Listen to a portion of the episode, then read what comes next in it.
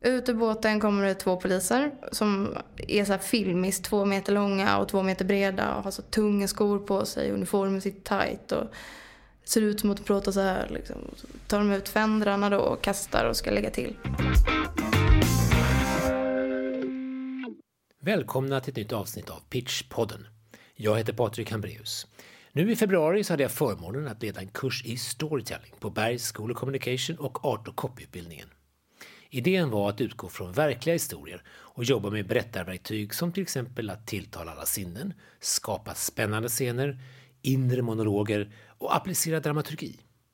Allt för att ni som publik ska få en bättre upplevelse. Vi har spelat in sex stycken berättelser i den här miniserien.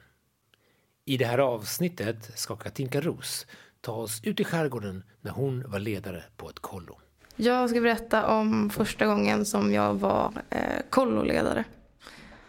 Och eh, jag har eh, själv åkt på ett kollo eh, sen jag var ungefär 14 år gammal och varit deltagare. Det är en av de mest fantastiska ställena på jorden. Eh, en ö som ligger i Stockholms skärgård som bara är liksom för oss. Där det finns fantasi och lek och krossade hjärtan, nyfunnen kärlek, allt finns där. Ehm, men jag, om man är där som barn så är en stor dröm att få, någon få bli ledare. Vilket eh, jag sen fick bli. När jag hade fyllt 18 så sökte jag eh, och eh, blev välkommen in i ledarstaben. Och det var ju såklart jätte, jätte, jättestort. Det är ju som att så här, få jobba med sina idoler liksom. Ehm, och var jättenervös. Och för att göra det ännu svårare för mig så hade jag såklart varit, valt en position som var nog den jobbigaste man kan ha där ute. Och det som är, min position var då att jag skulle ta hand om, eh, för när barnen kommer till kollot så delas man upp i grupper om tio. Och jag, min uppgift var att få en sån här grupp med barn, eh, tio stycken tjejer, ålder 12 till 14. Eh, och så ska jag ta hand om dem i två veckor. Jag ska se till att de kommer i tid, de ska eh, alltså inte glömma handduken till kanotpasset, de ska vara mätta, de ska vara glada. Eh, och man ska trösta dem om de längtar hem. Alltså allt det här ligger på, är ditt ansvar liksom. Eller mitt då. Och eh, det var såklart skitnervöst men eh, barnen kom och eh, det gick faktiskt eh, ganska bra tycker jag. Alltså de var glada och de mådde bra och det var liksom inga större problem. Och jag kände mig ganska, började känna mig så trygg i kläderna i min le nya ledarroll. Liksom. Men så var det ett litet problem och det var att det fanns en tjej som eh, jag hade ansvar för då i den här gruppen. Som efter två, tre dagar började liksom dra sig undan lite.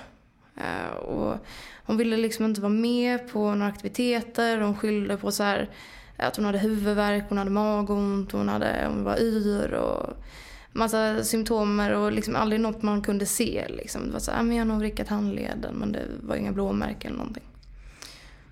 Och det var ju såklart eh, ganska eh, jobbigt för mig som hade ansvar för den här tjejen. Och jag försökte ju verkligen så prata med henne och liksom är allting bra och är det någon kille eller någon tjej som har varit taskig eller liksom längtar du hem? Och det var, fick ingen respons överhuvudtaget. Hon, hade bara, hon stängde mig ute helt. Eh, och jag lät det vara sådär en, två dagar till och sen till slut så kände jag att nej, eh, om inte det här löser sig liksom eh, imorgon då, då får jag ringa till hennes föräldrar. Eller hennes pappa för hennes mamma fanns tyvärr inte med i bilden.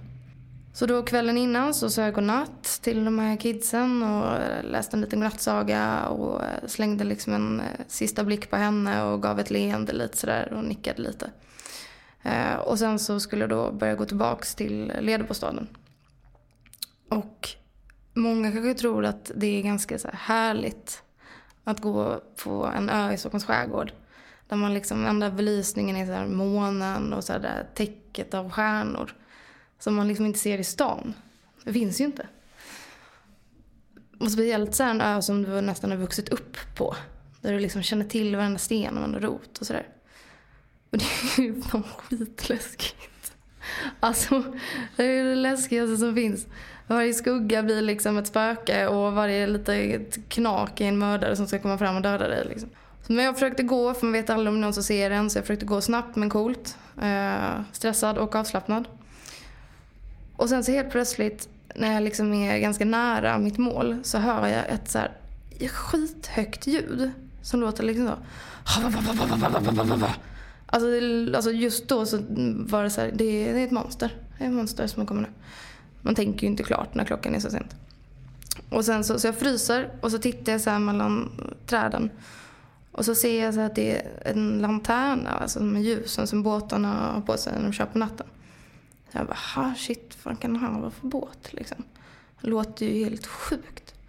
Och så tänker jag så här, det verkar lite som att den är på väg hitåt. Så, här. så jag går ut eh, på bryggan som vi har. Får syn på båten. Står stort över. Polis. Jag bara, jaha, okej. Okay. Ja, visst. Den åker väl bara runt här liksom, kollar läget. Och när jag tänkte ha klart den tanken så inser jag att de är ungefär fyra meter från vår brygga och är redo liksom att lägga till. Och jag bara shit, shit, shit, shit. shit. Okej, så är det en polisbåt som är på väg. Du jobbar på ett kollo, du jobbar med barn. Men det här är ingen fara, det kommer lösa sig, det kommer lösa sig. Kommer jag nog att tänka. Och så tänkte jag på som mamma sa, liksom, 99% av det man oroar för inträffar aldrig. Ut ur båten kommer det två poliser som är så här filmiskt två meter långa och två meter breda och har så tunga skor på sig. Uniformen sitter tight och ser ut som att prata så här. Liksom. Så tar de ut fändrarna då och kastar och ska lägga till. Och slänger ett rep till mig som jag inte förstår vad jag ska göra med. Men jag liksom binder fast en jättedålig knop. Och liksom ska visa att jag är så här, det är inget problem. Och eh, sen så stänger man motorn på båten och då blir det bara helt tyst. Och så hör man bara så här kluckandet. Och jag står och liksom andas in och ut genom näsan och försöker så här, okej okay, det här är lugnt, det här är lugnt. Och sen så kommer föraren då, den här polisen som har kört båten, eh, kommer upp eh, ur kabyssen, hoppar eh, ner på bryggan, ställer sig mitt emot mig. Och man ser liksom så här i månljuset ser man att det här är också typ en filmisk karaktär av en polis för han har en sån här bullmage. Liksom. Uh, och sätter liksom så tummarna i bältet och liksom så lutar, trycker fram magen också av någon Och så frågar han så här, han bara, ah, söker, söker efter en eh, Katinka. Liksom. Jag bara, jaha, sa Katinka, Katinka. Jag bara, ah shit det är jag. Och då bara rusar alla tankarna. Liksom bara, ja, polisen kom hit, de har hämtat mig. Var det för att jag stod, jag stal cykeln med 14? Jag stal inte, jag lånade och lämnade tillbaka till mig. Kan det vara för att jag snattade? Men vänta, jag har aldrig snattat. Det var ju Loppan som snattade. Jag sa att vi inte skulle snatta. Nej, gud, visst jag körde lite för fort där på den vägen. Men det var ju typ två månader sedan. Hur kunde de ha hittat mig? För det var ju pappas bil. Har de har ringt pappa? Det vet pappan om där. Jaha, och sen så bara, okej, okay, 99% av det man oroar sig för inträffar aldrig. Och jag bara, ja, det är jag. hej, hej. Och han bara tittar på mig så skannar mig uppifrån och ner. Och sen så tar han liksom ner handen så här i sin så polisrock. Och så räcker han fram en eh, pressbyråpåse. Och jag bara, det kommer ligga ett finger här i för att jag tog den där svarttaxin och de har samarbetat och nu är det här en varning för att jag inte betalade. Och jag skulle dricksat eller jag skulle inte sprungit därifrån och varför kom jag från och allt det här. Och, alltså du vet, jag bara rusade på. Och jag kom hem i fängelse, jag passar inte orange men de har ju inte orangea dräkter i Sverige. när De sitter i fängelse eller har de grå eller har de jumpsuits? Vad fan har de på sig? Jag vet inte men jag kommer aldrig få på mig en sån. Min mamma och pappa kommer lämna, jag kommer aldrig, alltså du vet. Äh, det var, så, äh, det var så hemskt. Och jag bara känner hela kroppen skakar och försöker samtidigt hålla det här coola lugnet. Och så säger han så här, han bara, ja jag vet inte hur det är med storlek sånt finns massa olika. Och liksom. Jag bara, va? Så tittar jag ner på påsen. Och så ligger det liksom bara Alltså all, alla typer av bindor och tamponger som jag någonsin har sett stå liksom i matbutiken. Och det är bara en eh, påse med liksom olika regnbågsfärger. Det är rosa, och det är blå, och det är tre droppar, och fem droppar och alltså du vet. Och jag bara förstår absolut ingenting.